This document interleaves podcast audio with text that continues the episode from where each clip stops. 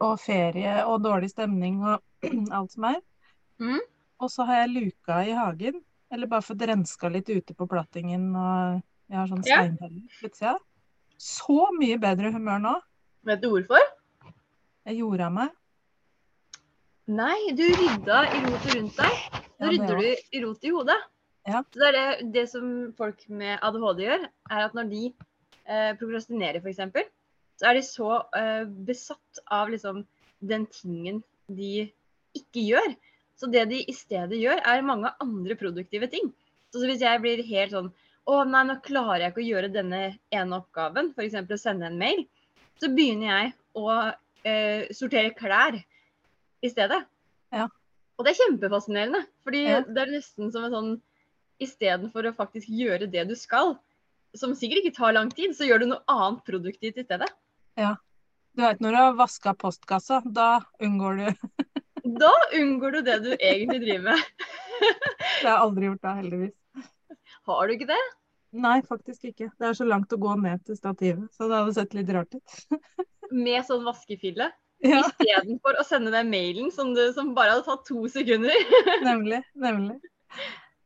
Og det er noe med å være ute og grave i jorda og jorde seg, og, men det er jo rydding òg. Det er jo mye luking og flytte på ting og litt nye omgivelser og sette en blomst et annet sted. Og det gjør noe med hele humøret. Det gjør det. Mm. Helt sant. Så det var deilig. Det trengte jeg i dag. Så da tenkte jeg jeg det her med, det her med huske på. Ja, hver gang du mangler motivasjon, Ja. så kan du begynne å observere, observere hva det er du begynner å gjøre i stedet. Veldig Ja, nemlig. Ja, det skal jeg gjøre. Ja, omsetning. Jo, det var det jeg skulle si, at jeg syns at de som eh, De gründerne og de vi ser i sosiale medier som tør å snakke om penger, og Mhm. særlig damer, jeg syns det er så kult. Jeg synes det er kjempefint. At man tør å si hva man tjener og sånn. Ja, og de som tør å snakke om uh, hvor, altså, hvordan de vokser på Instagram f.eks. Mm. Kjempespennende å se uh, tall og hvor mange prosent er det man uh, har vokst da, i løpet av en måned. Ja. Har du noe system for det, for å følge med på det? I de periodene hvor jeg aktivt går inn for å poste mye, eller poste jevnt, så liker jeg å se på disse tallene fordi de gir meg motivasjon. Mm. Og det samme gjør det jo når jeg eh, ser på tallene i forhold til hvor mye jeg tjener, ikke sant. Så Mm. er det jo noen måneder hvor man tjener mye, og så er det noen eh, måneder hvor man tjener mindre. Og det er jo gjerne i de periodene før man skal lansere noe nytt, eller før man skal starte opp noe nytt. Og så er det jo selvfølgelig jevnt med inntekter av liksom enkelte ting. Mm. Men det er noen topper. Og det syns jeg er ganske gøy å følge med på. Mm. Ser du sammenhengene da? Hva toppene skyldes? Ja, det gjør jeg jo. For det er jo eh, helt tydelig. Sånn som i mai var en eh, veldig god måned for min del. Mm. Mens juni var eh, en måned hvor jeg eh, ikke tjente så mye. Men årsaken var jo at jeg eh, på en måte Helsa eh, hadde Det var utfordringer med helsa, og da blir det jo ikke så mye aktivitet på sosiale medier. Og jeg tok heller ikke så mange oppdrag. Det var noen som jeg eh, valgte ikke ta, da. Mm. Men hva med deg? Jeg tror ikke jeg følger med godt nok, egentlig. Jeg har jo ikke noe statistikk, eller jeg følger jo med hele tida på det som ligger i Kajabi f.eks., eller eh, innsikt på Instagram, men jeg, har, jeg ser det ikke over noe lang tid. Og det har jeg lyst til å prøve å Særlig nå som første halve året er overstått, så er jo det en fin anledning til å se på første halvår, da, og hvordan jeg skal eskalere til neste. Ja, det er jeg enig med deg. Jeg gleder meg til jeg har drevet på et halvt år, så det jeg altså kan se. Ja. Sammenligne hvordan, eh, hvordan det fungerer. Ja. Men jeg har jo altså, diagrammer som viser meg hvor mye jeg tjener, altså inntjeningen min, og hvor mye utgifter jeg har. Så jeg kan hele tiden se på eh, hvordan den eh, varierer fra måned til måned. Og noen måneder så velger jeg å investere i enkelte ting. Og da Mm. får man jo mindre i eh, den totale pluss-siden, da. Hvor er det du ser det i de diagrammene? Er det i regnskapsprogrammet? Ja, det er i Ja. regnskapsprogrammet for, på forsiden, så ser jeg det. Ja, Det er det i mitt òg. Mm. Og det liker jeg godt. Ja. ja, og det er noe med å se at det går oppover. Ja, Eller at det går nedover, da, og oppover igjen. Ja. Men det er jo litt av uh, game i det, å kunne tørre å stå i det. At Ja. OK, denne måneden så hadde jeg ikke så stor inntjening. Nei, det er en del av uh, gründerlivet, faktisk. Mm. Den vil ikke være jevnt god hele tiden. Det vil være noen måneder med mer inntekt og noen måneder med mindre inntekt. Mm. Ja, og det spørs jo hva man selger. eh, Sånn som når vi skal lansere masterminden, da. Hvis alle betaler med en gang, f.eks., Mm, så blir det jo en kjempegod omsetning den måneden. Men så jobber vi jo i det prosjektet i tre måneder. ja. Og det syns jo ikke sånn sett på Da ser det ut som det har vært en veldig bra måned, selv om man egentlig har fordelt jobbinga mer jevnt, Mm. da. ja. Det er jo noen som anbefaler å se på det kvartalsvis. Ja. Og det er nok eh, den strategien jeg bruker mest, å se på kvartalet. Og ikke så mye på eh, måned for måned akkurat nå, da, fordi at det blir så varierende. Mm. Hvor mye har du lyst til å tjene? Jeg har eh, nå et eh, mål om å tjene 100 000 i måneden. Ja. Det er første målet mitt. Og det er et mål jeg skal nå innen dette året. Ja, ja, ja. ja. For det har jeg manifestert. Ja. Og hva med deg? Jeg er helt enig, men jeg har veldig lenge Eller jeg har tenkt det tallet, jeg òg, da. Og det magiske én million i løpet av et år. Mm. Um, selvfølgelig har jeg lyst til å bli mangemillionær, jeg òg, men er, man må jo starte et sted, da. Men jeg har jo merka at jeg har holdt meg til Det her handler om pengemindset, ikke sant? At jeg har holdt meg til at for at det skal gå akkurat rundt med regninger og lån for min del, det jeg bidrar med her i huset, så er det 20 000. Mm. Så jeg har jo da ubevisst manifestert 20 000 hele tida. Ja. Så jeg har, jeg har jo sittet inni den boksen min, ikke sant, og har jo Ja. ikke utvinda det. Så det er noe med å tenke og faktisk regne litt på det. Fordi hvis jeg eh, etter hvert Nå får jeg jo dagpenger, da, som litt hjelp under etablering. Eh, etter hvert som jeg skal stå helt på egne bein, så blir jeg jo min egen arbeidsgiver. Da er det 14% arbeidsgiveravgift. Og så er det skatt, og så er det utgifter. Så penga, altså utgiftene flyr jo fort. Mm. Sånn at 100 000 i måneden er jo ikke Det er ikke voldsomt. Det er eh, Du kan ta bort halvparten. Ja. Og det er bare til det du bør ha igjen på, på kontoen din. Og så kan du ta bort halvparten av det igjen.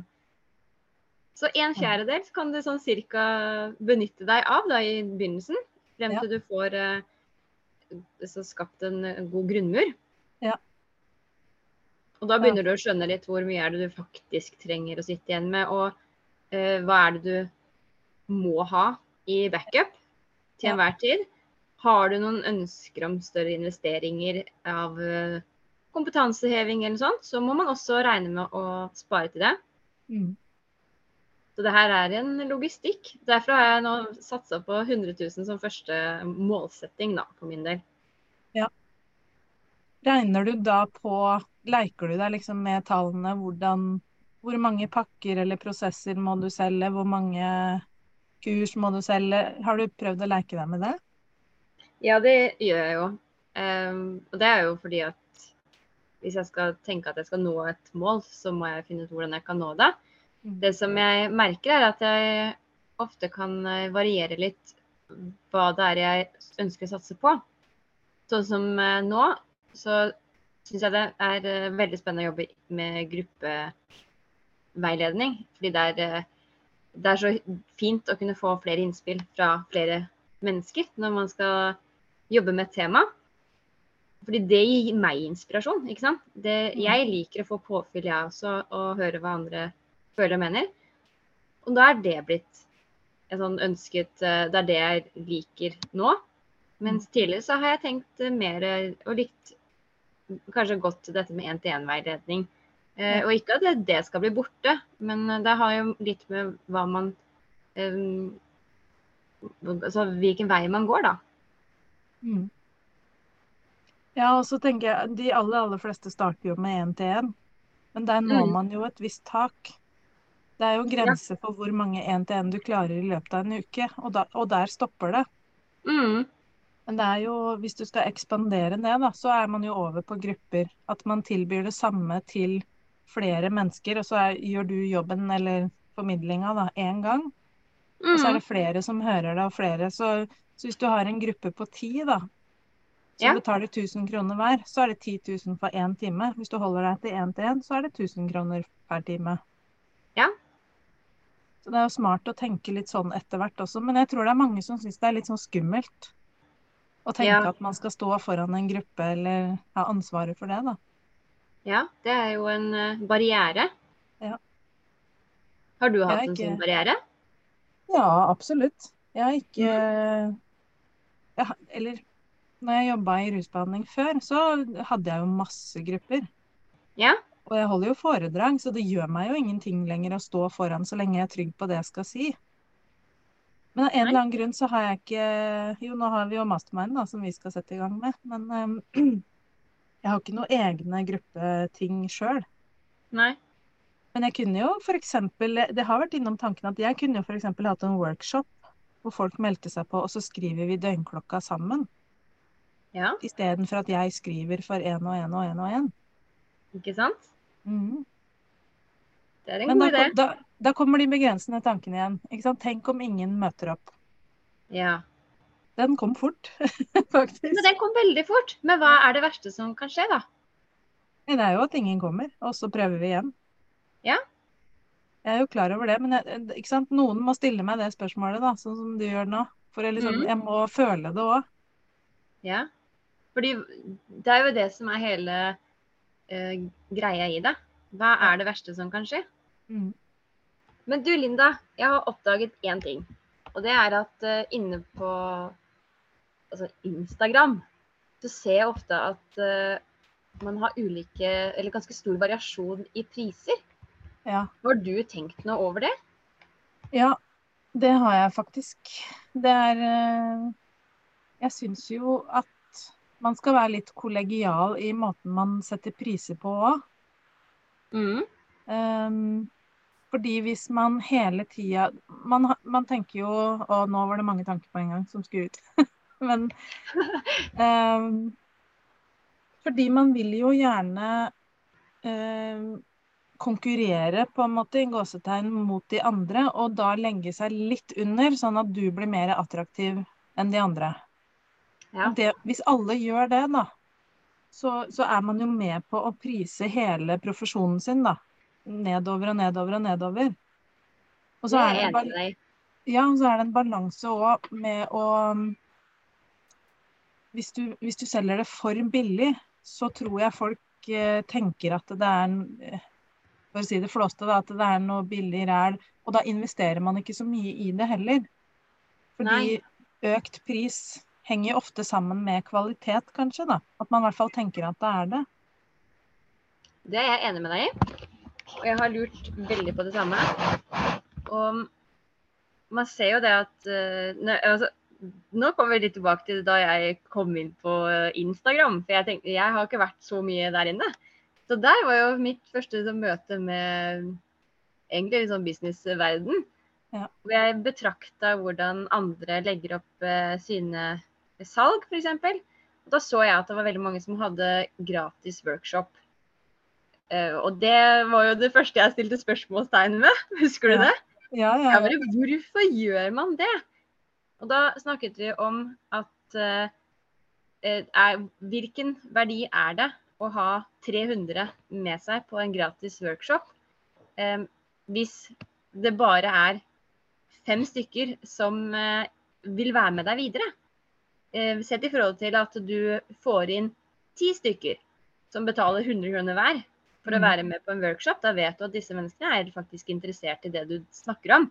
Og du får allikevel med deg fem stykker videre. Hvilken, eh, altså, hva, hvilken forskjell er det i det? Ja. Og da snakker vi jo om dette med å sluse eh, mennesker også til å De som faktisk er interessert, de vil høre på deg. Og de har også et ønske om å kanskje betale 100 kroner, fordi det koster å være gründer. Det koster å ha Zoom, det koster å ha Teams. Bare de tingene der er det veldig mange som ikke vet at vi eh, betaler for. Så Mm. ved å betale 100 kroner for å være med på en uh, gratis, altså det som er i gåstein er, er gratis uh, workshop eller gratis webinar, så har man bidratt inn til at gründeren kan drive videre. Mm. Nettopp. Eh, Får du noe kritikk for at du tar betalt? Har du opplevd det? Mm, Nei, det har jeg ikke opplevd. Nei. Men det er nok litt fordi at jeg ikke legger opp noen mulighet for å kunne kritisere det heller. Nei. Det er jo ikke sånn at uh, Altså, vi har jo en, eh, en høy kompetanse på det vi driver med. Um, og da er det jo ikke noe Det er jo ikke snakk om det at uh, hadde man jobbet et annet sted, så skulle man ikke få lønn. Altså, sånn er det jo ikke. Nei, jeg skjønner jo det, men jeg- jeg får vel, ikke veldig mye, det jeg ikke. Men jeg har jo fått kritikk for at jeg tar betalt for, og det er handler om min nisje, da, at jeg tar betalt for ting som kommunen egentlig skal gjøre gratis. Mm, Det, hvis du ser veldig enkelt på det, så er det jo sånn folk tolker det. Men de Mm. som jobber som sosionom i kommunen f.eks., de har jo også lønn. ja. Det er bare at det er ikke sluttbrukeren som betaler for det. Men så Nei. gjør du jo det, fordi du betaler jo skatt. ja. Så vi er jo alle egentlig en del av den samme potten, da. Og så er det litt med det her med at for meg så er eh, eh, altså tid er mer verdifullt. Så Mm. hvis jeg har en utfordring som jeg ønsker å få kontroll over, eller få gjort noe med, så er ikke jeg kanskje interessert i å vente på behandlingstid på altså fire måneder, seks måneder i kommunen. Da vil jeg ha det gjort nå, fordi det er betydningsfullt for meg her og nå. Og da er jeg villig til å betale for det. Mm. Mens andre igjen ønsker å vente. Og kanskje er vi altså Da handler det kanskje om verdier og holdninger. ikke sant? At, at man ikke har eh, en så utålmodig sjel da, som kanskje jeg har. Mm. Ja, jeg syns det er fint at vi kan by på begge deler, da. Og det her Mhm. er jo det hele debatten om det offentlige og det private, det er jo det den går ut på. Men jeg i hvert fall personlig syns at det er fint. Det er jo helt frivillig å kjøpe tjenester av meg. Ja. Jeg har ikke overtalt en eneste en. Ja. De har jo kommet til meg helt av seg sjøl. Ja. Og så er det jo noen, det er jo mest på TikTok, da hvor det er en litt annen stemning enn på Instagram f.eks., hvor, hvor de sier Kommentarene er faktisk at de uttrykker at jeg utnytter foreldre som ellers har det vanskelig i hverdagen. Ikke sant. Det er jo en veldig spennende, spennende debatt å starte. For det er jo virkelig Og stakkars foreldre, liksom, som, eh, og så skal du ta betalt på toppen av det hele. Og det er liksom, ja. Nå er det jo som sagt helt frivillig, og så tenker jeg de som sier det, virkelig undervurderer foreldre. Fordi det finnes Ja. mange foreldre til barn med autisme og ADHD i Norge som har veldig god kontroll på økonomien sin, mm, som har ressurser, og som velger å prioritere å bruke en time på meg. Men tenk deg, da, hvis du ser for deg at du skal søke om grunnstønad f.eks. Ja. Så er jo det så penger du får inn fordi at du har eh, altså du er i en situasjon som du er i. Hvis du da velger å vente i seks måneder for å få den hjelpen i kommunen, Mm. istedenfor å bruke penger på å ha en time sammen med deg, Mm. da kan man jo regne litt på det. Hvem, hvem som vinner på det, da. Det er akkurat det. Og, og sånn som hjelpestønad f.eks., så får man jo det, Dette blir dagens salgspitch, da. Ja, Men eh, hvis man får da hjelpestønad innvilga, så får man jo etterbetalt tre måneder fra søknadstidspunkt i tillegg. ja. Så den ene timen med meg, den eh, tjener seg inn ganske fort, da. Hvis man får det innvilga. Og jeg sjøl, jeg venta, jeg tror jeg venta i to år eller noe sånt, før jeg orka å sette i gang med søknader. ja. Og hadde du fått hjelp, så hadde du kunnet begynt med det mye før. Og vi får, jeg tror vi får 3500, eller han, da, i hjelpestønad og grunnstønad. Mm. Tenk hvor mye penger jeg har Det orker jeg ikke å regne på engang. Nei. Det skjønner jeg godt. Den båten har gått, så den må vi bare la ligge. Men ja. Nei, det, det, og det her er jo Det å snakke høyt med noen om sånne ting, da, da finner man jo alle salgsargumentene sine også. Ja, så må man tørre å tørre å ta betalt for det man gir av verdi. Ja. Det er ikke sånn at uh, du gjennom f.eks. PPT får den veiledningen som foreldre får av meg. Det er det ingen i kommunen som kan tilby deg, fordi det er ikke kapasitet, det er ikke tid til det. Nemlig. Men det er en helt, er en helt nødvendighet for de foreldrene som uh, står i vanskelige situasjoner. Mm. Men der er det jo det som er interessant med det private markedet. Og ja, nei, jeg heier frem det å ta betalt for sin kompetanse og det man tilbyr. Og tørre å ta i. Ja, du skal Du må jo sammenligne deg med hva du ville fått i f.eks. det offentlige. Mm. Ja, helt klart. Pluss at du må ta med da alle avgifter og mm, ja. Ja, det er derfor jeg sier at man må tørre å liksom ta i Nå tenkte jeg mer enn jeg sa, men, men liksom tørre å legge lista høyt, da. Tenk, tørre å tenke at du skal omsette for én million i året. Hvis man deler det på tolv, og bryter Ja. ned hvor mye du faktisk må ha i, i omsetning og inn i måneden, så det er ganske mye penger. Ja. Så man må jo liksom heve mindsettet sitt da, og komme opp på det nivået og tenke at ja, pengene flyter inn. Og matche energien, da, som de sier i det Mm. Fordi hvis du får penger inn, så har du igjen mer å tilby ut. Ja, helt klart.